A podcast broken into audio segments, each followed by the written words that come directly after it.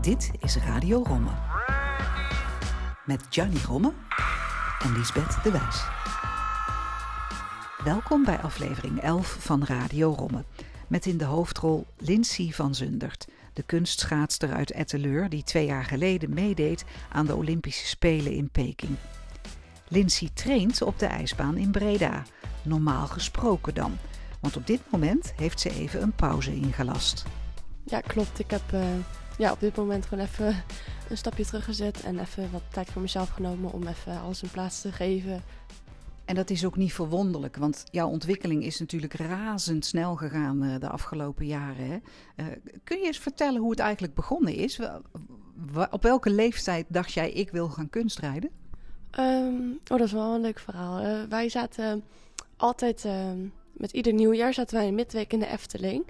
En um, ja, daar zaten we eigenlijk iedere dag uh, in dat park. En um, je zat zeg maar zo'n nep ijswijntje opgezet. Met van die uh, hockeyschaatsen die je kon huren. En uh, ja, ik wilde dat een keer proberen. En op een gegeven moment zei mijn moeder, kom we nog van de ijswijntje af. Want dan kunnen we de rest van het park nog gaan zien. Maar dat wilde ik niet doen. Dus ja, toen heb ik daar nog heel lang geschaatst. En uiteindelijk, toen was ik zes jaar. En op mijn zevende heb ik een proefles kunstschaatsen gehad van mijn mama voor mijn verjaardag. En uh, ja, dat vond ik eigenlijk zo leuk dat ik het eigenlijk ben blijven doen. En zo ben ik een beetje ja, in die wedstrijden gerold. En ja, dan, dan win je je eerste bekertje. En dan voelt het zo speciaal dat je gewoon denkt van ja, dit wil ik meer. En ja, dan ga je gewoon ja, steeds harder je best voor doen. En toen ben je bij een club gekomen in Breda. Uh, welke club was dat? Um, ik ben de club, bij de club MSB, uh, Magic Skate Breda, ben ik begonnen. Um, bij Jolanda Franke toen nog, die tijd. Um, ja, daar ben ik eigenlijk gewoon een beetje, ja, daar heb ik mijn eerste stapjes geleerd natuurlijk. Dus dat is zo'n beetje tien jaar geleden, toch? Of ietsje langer? Ja, ik denk al uh, elf jaar zoiets. Ja, Tien of elf jaar. Ja, ja. ja, en ja, ik heb natuurlijk veel overstappen gemaakt naar coaches en zo, dat wel. Um, en uiteindelijk ben ik nu uh, weer terug naar MSB. En uh, tegelijkertijd heb ik, trainde ik ook met mijn coach in België. Een bijzondere combinatie is dat dus uiteindelijk geworden. Uh, Breda, vlakbij Etteleur, waar je woont. Um, dat was dan makkelijk, denk ik, dat die baan er was. Um, nou ja, het was, normaal train ik altijd in België samen met mijn coach Carine Herreigers. Um, maar ze heeft natuurlijk ook een zoontje en ze doet ook pakjes maken voor uh, schaatspakjes. En ja, op een gegeven moment als iemand voor zo'n seizoen allemaal pakjes is natuurlijk hartstikke druk. Um, dus ze wilde eigenlijk uh, de woensdag en donderdag wilde ze eigenlijk um, dan vrij houden voor die pakjes te maken. Dus had ze een combinatie gezocht tussen um, mij en Thomas. Thomas kennis. Dus ja, en ik klikte gewoon goed met Thomas. En de lessen waren ook gewoon goed. En bij Carine ook. Dus en die combinatie was gewoon echt perfect. Dus ja, zo ben ik eigenlijk naar Breda gegaan om ja, eigenlijk met Thomas kennis te trainen. En ja, Jolanda zat er ook. Dus Jolanda helpt me ook af en toe. Dus dat is hartstikke leuk om, ja, leuke combinatie. Ja en Breda. Nou ja, we zeggen het al dichtbij. Want je hebt eigenlijk nooit overwogen om naar Heerenveen te gaan. Niet serieus, denk ik. Nee, ja, het is meer... Het, kijk, Heerenveen is misschien wel... Ja, het is misschien een goed plan. Maar voor mij is het gewoon te ver reizen. Ik kan niet ja, iedere dag naar Heerenveen rijden om daar te gaan trainen. En ik heb hier nog school en ik ja, mijn familie. En ik was er gewoon nog niet aan toe om uit huis te gaan. En mijn school op te geven voor een andere school. En uh, te stoppen met autorijlessen om ja, mijn autorijbewijs te halen. En ja, ik denk, mocht het in Breda opgezet zijn, of Tilburg of iets, dan had ik wel overwogen om af en toe eens te gaan. Maar ja, het was gewoon te ver. Want heel veel van jouw collega's, zullen we ze maar even noemen, hè? collega kunstrijders, die, die, doen dat wel. Die gaan dan daar wel bijvoorbeeld in een gastgezin. Of, maar ja, jij, jij hebt die keuze bewust gemaakt om dat niet te doen.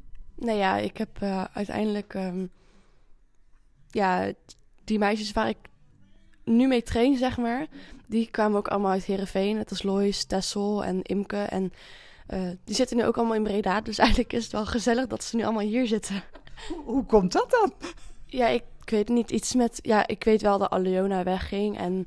Um, de trainster. Ja, die ging weg. Dus um, ja, daarom dat ze terug zijn gekomen. En dan zijn ze ook allemaal bij Magic Skates Breda? Ja, ook om met Thomas en uh, Jolanda te trainen. Wat bijzonder. Dus jij hebt een enorme aantrekkingskracht ook voor de baan in Breda. Ja, ik denk natuurlijk ook om... Uh, ja, ook gewoon omdat Thomas kennis natuurlijk ook gewoon een goede coach is. En ehm, ja, ook mentaal hele goede steun is. Mhm. Dus dat is ook wel, ja, dat geeft ook veel voordelen. Wat een bijzonder verhaal eigenlijk. Want we waren bij hoe ben je begonnen met schaatsen. Uh, je vertelde al, af en toe won ik dan een bekertje. Hè? Maar op een gegeven moment komt die stap nadat je echt grote wedstrijden gaat winnen. Kun je je dat nog goed herinneren? Um, nou ja, ik heb uh, nadat ik ben begonnen bij um, Magic Skate Breda, ben ik, um, ik denk na een jaar of anderhalf jaar ben ik overgestapt naar Karin Herreigers, waar ik nu ook zeg maar mee trainde. En die zat in België, dus daar reed ik iedere dag naar Turnhout om daar te gaan trainen. ja, en ik denk dat ik daar van mijn zevende, ik denk tot mijn tiende heb geschaatst, wedstrijden heb gedaan. en iedereen dacht dat, dat ik Belgisch was, zeg maar. Dus ja, op een gegeven moment, ik deed ook altijd alleen maar Belgische wedstrijden mee. En toen uh, ben ik ooit een keer Belgisch kampioen geworden. En uiteindelijk kwamen ze erachter dat ik Nederlands was. Dus dat had eigenlijk niet mogen gebeuren. Maar ik heb toch die beker meegekregen. Dus dat is wel een heel grappig verhaal. Ja, wat bijzonder, ja. Ja, ja we kenden natuurlijk Bart Veldkamp, hè, de schaatsbelg. Eigenlijk was jij dat ook een beetje dus. Ja, ik ben uh, wat dat betreft vroeger opgegroeid in uh, België, dat wel. Maar ja, ik... Uh, ja, ik ben denk ik rond mijn elfde ben ik um, terug naar Nederland gegaan en heb ik, uh, ben ik naar Dordrecht gegaan om te coachen. Of uh, om te gaan coachen, om te les te nemen daar. Om daar aan te sluiten bij de club. Um, ik denk dat ik daar ook een jaar, anderhalf jaar heb gezeten. En toen ben ik, um, ben ik, ik ben toen weer terug naar België gegaan. Um, maar wel met wedstrijden in Nederland. Dus ja, en toen ben ik eigenlijk een beetje NK's gaan meedoen. En op een gegeven moment, ja, dan krijg je zeg maar aanbod voor uh, uh, Junior World. En ja, dat is hartstikke leuk natuurlijk. En toen ging het eigenlijk heel snel, hè? Toen kwamen al heel snel de Olympische Spelen in beeld. Ja, ik denk dat ik één keer een junior wereldkampioenschap heb meegedaan. En uh, jaar daarop mocht ik volgens mij al meedoen met de gewone senioren wereldkampioenschap. En um, ja, dat was natuurlijk leuk, want mijn eerste wereldkampioenschap dat was in Zweden, in Stockholm. En dat ging eigenlijk super goed. Ik was uh, gekwalificeerd voor de finale, dus dat was al natuurlijk voor mij al iets heel groots. Hè, want je, je gaat daar natuurlijk niet met het gevoel naartoe van ik ga me ik moet me kwalificeren. Ik, ga er, ik ging er naartoe van ik ga meer gewoon genieten van dit moment en ik kijk al waar ik kom. En gewoon ja, je best doen meer dan dat kan je niet. En toen kwalificeerde ik en dat was natuurlijk super leuk. En toen, uh, ja, uiteindelijk hoorde ik ook nog dat ik een ticket had gewonnen, of ja, hè, gekregen voor uh, de Olympische Spelen. En uh, toen destijds was het nog Nicky en ik, dus daar was nog even kijken wie er ging. Maar dat was natuurlijk, ja, je voelt je dan zo blij en zo trots dat, je dat, ja, dat het zoiets is gelukt na al die jaren werk. En toen, ja, barstte het eigenlijk los, hè? Toen kende ineens heel Nederland jou. Ja, dat, ja, dat is dan heel speciaal. Ja, zoiets had ik vroeger ook nooit zien aankomen. Kijk, ik deed het echt omdat, puur omdat ik het leuk vond en voor mijn lol. En vroeger stapte ik het ijs op heel onbevangen. Zo, zo van, ja, ik ga het alleen voor mijn plezier doen. Maar als je dan op een gegeven moment zo, zulke wedstrijden gaat doen, ga je toch wel iets anders erbij voelen. En wil je toch ook wel ja, gaan kwalificeren of hoger opkomen. Um, ja, dus dat, ja, dat geeft je gewoon een heel, ja, dat geeft je soms echt een kick.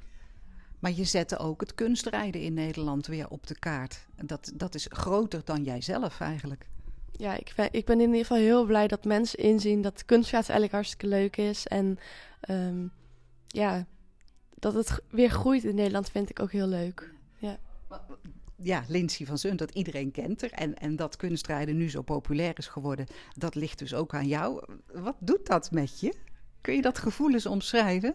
Want je bent heel bescheiden erover. Ja, klopt. Uh, ja, het geeft natuurlijk echt een heel fantastisch gevoel. Ja, als je dan diep van binnen denkt, denk je van ja, toch wel van ja.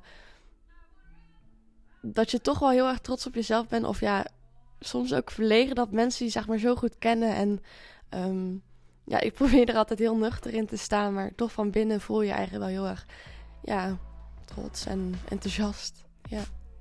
Lindsay van Zundert, bescheiden als ze is. Terwijl ze er toch echt voor zorgde dat Nederland voor het eerst in 46 jaar weer mee mocht doen aan de Olympische Spelen. Twee jaar geleden in Peking. Een fantastisch avontuur voor de toen 17-jarige Lindsay. Ja, de Spelen, dat is iets wat ik nooit meer vergeet. Dat was zo'n avontuur. Dat was gewoon... ja, het beste wat ik ooit in mijn hele leven heb gedaan. daar al komen, de, reis al en dat hele gebouw voor heel Team NL. En daar gewoon samen zijn met lange baan en short track. En je kreeg niet het gevoel dat ik daar als enige kunstschaatser was. Ze gaven je echt een warm gevoel van iedereen is hier ook voor jou. En ehm, ja, natuurlijk ook samen met mijn coach Karin Herrijgers was ik naartoe gegaan. En we zaten samen op de kamer um, met nog twee anderen. Uh, Yvonne van Gennep en uh, nog iemand, maar daar weet ik de naam sorry niet meer van. Um, maar het was hartstikke leuk. Ja, het was zo. Ja, het was gewoon een leuke ervaring. En dat dorp ook. En ja, en dan ook nog dat je prestatie gaat zoals je gehoopt had. Um, dan maakt gewoon het hele plaatje compleet. Ja, dat is gewoon ja, een onvergetelijk moment. Ja. Veel belangstelling was er daarna voor je, maar er kwam geen sponsor. Nou ja, klopt. Uh, op een gegeven moment naar het, N of naar het NK, naar, het, uh, naar de Olympische Spelen was natuurlijk super veel media.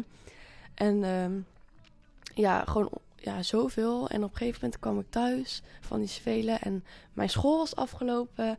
Um, de, uh, de, Olympische Spelen was afgelopen en ik kwam thuis en het was gewoon zo stil. Dat, dat ik gewoon op een gegeven moment dacht van, ja, wat, hoe moet ik nou verder? Want je viel eigenlijk in een gat. Ja, dat klopt. Ik viel echt in een zwart gat en ik dacht van, ja, op een gegeven moment toen dacht ik van, ja, wat kan ik nog meer bereiken dan de Olympische Spelen? Dus het was op dat moment wel weer even moeilijk om het op te pakken, omdat ik meer best lang in een dip zat. Um, maar toen kreeg ik natuurlijk um, mijn uh, eerste senior Grand Prix in Canada en in um, Anglet, Frankrijk. En dat was weer even zoiets van, wow, voor de eerste keer senior Grand Prix is natuurlijk ook heel leuk. Dus toen heb ik me wel weer kunnen oppakken. Maar dat heeft dan ook best wel lang geduurd. Het is ook niet niks, want je bent natuurlijk nog ontzettend jong. En we praten nu al over twee jaar geleden. Want toen was je 17, denk ik? 17. Ja, klopt, 17. Dus niet zo gek, toch? Dat je, dat je je daar even aan aan moet passen. Nee, ja, klopt. Ja, het, was toen echt al een moeilijke periode. Um, ja, gelukkig vind ik dat ook weer... Ja, kijk, je komt er uiteindelijk altijd wel even doorheen. Dat wel, maar... Je, je, sport heeft je eigenlijk gered. Want je had ineens een nieuwe uitdaging op dat seniorenniveau. Ja, klopt. Ja, ik had natuurlijk wel weer een nieuwe uitdaging gevonden. Maar dat duurde ook wel even. Maar ja... ja. Ja, en daar kwam dan inderdaad nog eens bij dat je ook eigenlijk gewoon niet echt een sponsor had. Dus het werd ook nog gewoon een financiële uitdaging. Ja, dat sowieso. De kunstschaats is natuurlijk heel duur. En uh, zeker als je moeder alleen staat, uh, is het ook duur om het alleen te betalen.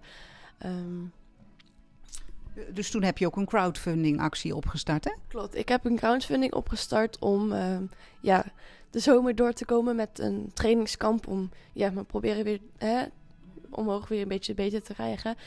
Um, maar ja, dat kost natuurlijk heel veel geld. En um, ja, daarom heb ik ook die crowdfunding opgezet. En uh, als je dan ziet hoeveel mensen, uh, hoeveel ik uiteindelijk heb opgehaald, heb ik gewoon de hele zomer van kunnen, ja, bijna de hele zomer van kunnen trainen. Dat wel. Um, maar het, natuurlijk, het geld is ook weer zo op. hè Zo'n kamp kost hartstikke veel. En uh, lessen moeten betalen en van alles. En ja. Hoe staat het wat dat betreft nu? Ja, nu is het is nog steeds wel lastig. Ja, nog steeds lastig met geld. Dus je hebt wel hier en daar wat kleine sponsors, maar het is nog steeds nodig om wel via crowdfunding aan geld te komen. Uh, ja, soms wel. Maar ik heb natuurlijk ook wel uh, Stichting Kunstrijden Nederland, waar ik al uh, vanaf dat ik elf was in zit. Dus ik zit daar echt al zeven jaar in. Dat is van Joan Haanappel, hè? Joan Haanappel en Sjoukje Dijkstra. En um, dat zijn eigenlijk in mijn grootste schaatscarrière de grootste steun geweest qua financieel. En, maar ook, ook gewoon hun kampen en zo. Het, het leverde echt wel wat op. En ja, dat is toch wel ja, iets heel groots. Een groot deel in mijn carrière geweest. Maar dat blijft toch nog steeds wel een stressding dan, dat geld. Ja, dat blijft ook een stressding, dat klopt. Maar ja, je, je kan het niet zomaar veranderen. Nee. nee. nee. Want door Lindsay van Zundert is het kunstrijden populairder geworden, maar nog niet zo populair dat daar dan grote geldschieters op afkomen. Nee, klopt. Het is heel anders als lange baan en kunst een lange baan en short track. Als je dat ziet, je wordt door HEMA, Jumbo en van alles gesponsord. En dat is in het kunstschaatsen helaas niet. Maar ik denk ook dat het soms voor de sponsors ook lastig is. Omdat lange baan en short track draagt natuurlijk van die pakken waar alle sponsors op staan. Dus die komen ook groots in beeld. En met kunstschaatsen, je draagt een glitterpakje en zo'n vestje trek je aan in een kiss and cry twee minuten en dan ben je er weer uit. En zoveel kom, komen die sponsors niet in beeld. Dus ik denk dat het ook minder aantrekkelijk daarom is. En je zei het al, inderdaad een hele dure sport, hè? Ehm, want je hebt ook nog je eigen choreograaf. Ja, klopt. Ik uh, laat mijn programma's altijd maken bij, uh, in Frankrijk bij Ben Wari Show. En dat kost natuurlijk ook wel wat. Maar ja, je krijgt natuurlijk altijd wel iets moois voor terug. Maar want je, je, hebt nu wat meer tijd voor jezelf nodig, hè? dat zei je aan het begin al. Uh, betekent dat dat je nu ook even niet met hem samenwerkt, of dat wel? Um, op dit moment niet. Um, uh, ook omdat ik, ik heb mijn kuren nog, zeg maar, van, af, van afgelopen seizoen, vorig jaar. Dus die hou ik ook gewoon nog even. En uh, ja. ja. verder, uh, het kost natuurlijk ook wel een fortuin. Dus ja, soms is het niet erg om een keertje over te slaan, dat ik het zo zeggen. Dus dat pak je dan in het nieuwe seizoen weer op. Zo, moeten we dat zo zien? Ja, waarschijnlijk wel, ja. Want hoe ziet jouw seizoen er verder uit nu? Uh, je rijdt geen wedstrijden meer. Hè? We, we, zitten dicht tegen de Challenge Cup aan. Er komt nog een WK aan. Dat staat niet in jouw agenda dan? Nou, um, het NK helaas niet. Um, omdat ik er gewoon nog niet aan toe ben. En um, ik nou niet zo snel kan klaarstomen voor een NK. WK dat kijk ik nog even af. Ja. Dus je hebt nog wel zicht op wedstrijden. Het is niet zo dat je zegt: ik doe dit hele seizoen verder niks meer en ik ga zeg maar na eh, de zomer er weer mee verder. Nou ja, ik probeer natuurlijk wel gewoon um, me zo snel mogelijk weer even oké te krijgen. Ik sluit het niet helemaal af, dat niet. Nee. Dus je ziet eigenlijk de rest van het seizoen nog wel met vertrouwen uh, tegemoet. Zo begon je eigenlijk ook aan dit seizoen, toch? Um, ja, klopt. Ik uh, begon natuurlijk het seizoen uh, ja, voor mijn gevoel fris en fruitig. Uh, voor mijn gevoel is het wel het seizoen iets minder verlopen als vorig seizoen. Um, ik had iets meer ups en downs. En um, wat ook ja, een beetje betrekking had op mijn prestatie. ja, vandaar ook dat ik nu even gewoon even wat tijd neem. En, want ik, ja, ik ben niet iemand die iets wil doen omdat het moet. Ik wil wel iets doen dat het iets oplevert. Ik wil niet ja, minder gaan presteren dan dat ik kan, zeg maar. Dus ja.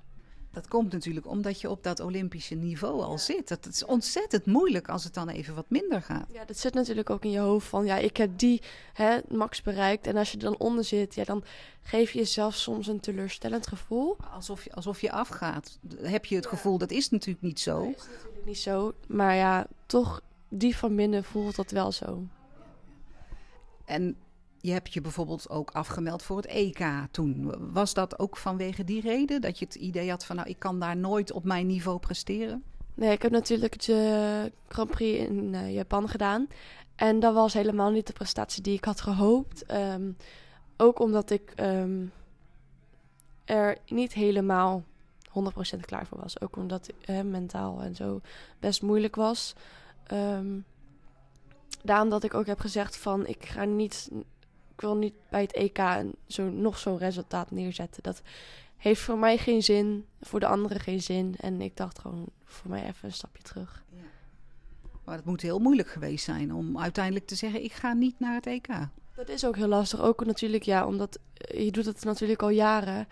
En om je dat van zo'n grote wedstrijd terug te trekken, dat, ja, dat doet wel even pijn. Maar, maar je moest er doorheen. Uh, en nu heb je eigenlijk zoiets van, nou, ik neem gewoon mijn tijd. Hè? En, uh, en dan zien we wel wat de rest van het seizoen nog brengt. Ja, inderdaad. Ik denk, het heeft geen nut om nu door te pushen. En um, ja, me nog verder, hè, nog meer uh, uh, tijd nodig moet geven om um, even tijd voor mezelf te nemen. Dus ja. En bovendien heb je een hoger doel, want over twee jaar zijn die Spelen weer. Ja, klopt. Er zijn nog over twee jaar Spelen. Um, ik hoop natuurlijk dat ik dat nog ooit ga meemaken. Um, maar dat zien we dan wel. Het is nog ver, dus ja. Misschien is het daarom ook beter dat je nu even gewoon wat rustiger aan doet. Omdat je dan ook gewoon die trip naar eventuele nieuwe spelen ook wat makkelijker kunt maken. Ja, klopt. Het is natuurlijk... Hè, als je dat voor, voor een jaar voor de Spelen moet doen, is, ja, dat gaat krap worden. Um, vandaar dat ik het ook nu gewoon even doe. Ben je daarin ook geadviseerd door mensen van, uh, goh Lindsay, misschien even nu wat gas terug, uh, want je hebt je ogen op de Spelen in Milaan? Nee, ik heb natuurlijk wel gewoon mijn coaches die altijd achter me staan en uh, me heel erg supporten. Dus uh, dat is al één groot ding. En natuurlijk ook mijn familie. Hè. Mijn moeder die staat ook altijd achter mijn keuzes. En die, die zag ook aan mij dat ik er echt al een beetje doorheen zat. Dus ze dacht ook van ja, neem een stapje terug. Ja. Heel verstandig, ja. ja. En één voordeel, um, want je leeft natuurlijk het leven van een topsporter eigenlijk. Misschien op dit moment even niet zo, maar normaal gesproken wel. D dan kan je niet veel doen. Ja, dat klopt. Je moet uh, veel opgeven voor je sport, dat wel. Dat klopt. Wat, wat, wat, bijvoorbeeld? Kun je daar eens wat voorbeelden van geven? Um, nou, je hebt natuurlijk vrienden die uh, best vaak uitgaan. En kijk, het is leuk om een keer mee te gaan, maar je kan niet om de twee weken uitgaan of um, ja, feestjes van vriendinnen of vrienden. En je moet trainen, dat moet je ook afzeggen waarschijnlijk, meestal. Um, maar ja, uiteindelijk, ik, ik heb het vroeger altijd zo... Vroeger vond ik het eerst altijd heel erg om kinderfeestjes en dat soort dingen af te zeggen. Logeerpartijtjes. En, maar uiteindelijk denk ik dan terug aan van... Ja, je leeft het misschien wel in, maar je krijgt er ook wat heel moois voor terug. Hè? Al die reizen. Dan dacht ik altijd van welk, welk meisje in groep 8 maakt al zoveel reizen in de leven als een gewoon, gewoon, laat ik het zo zeggen, gewoon normaal kind. Ja. Dus het heeft je ook heel veel moois gebracht. Het heeft me heel veel moois gebracht. Hele mooie reizen, heel veel mooie herinneringen. Dus dat is wel heel leuk. Ja. En ik denk dat je daar ook heel graag terug naartoe wil. Ja, dat is natuurlijk wel één ding dat zeker is. Dus is deze pauze dan misschien ook wat minder erg? Omdat je ook ziet van ja, dan kan ik het straks alleen maar weer beter oppakken. Ja, inderdaad, dat klopt. Ja. En een voordeel misschien ook, heb je kunnen carnavallen? Um, nou ja, mijn vriendengroep gingen vijf dagen, maar dat heb ik niet volgehouden hoor. Ik zei, ik ga twee dagen of één dag. En daarna laat ik het bij. Ik dacht, ja, ik was gewoon, ja, ik was op. Ja, ja, ja. mijn... Ook daarin kun je niet alles doen, dus wat je wil. Nee, klopt. Normaal, ik ben altijd wat dat betreft best een feestbeest. En ik ben, carnaval is echt een van mijn favoriete dingen. En op een gegeven moment, ja, ik had er gewoon geen plezier meer. Ja, ik heb er nu gewoon geen plezier meer in om het te doen. Ik ben er gewoon echt leeg, laat ik het zo zeggen. Ja.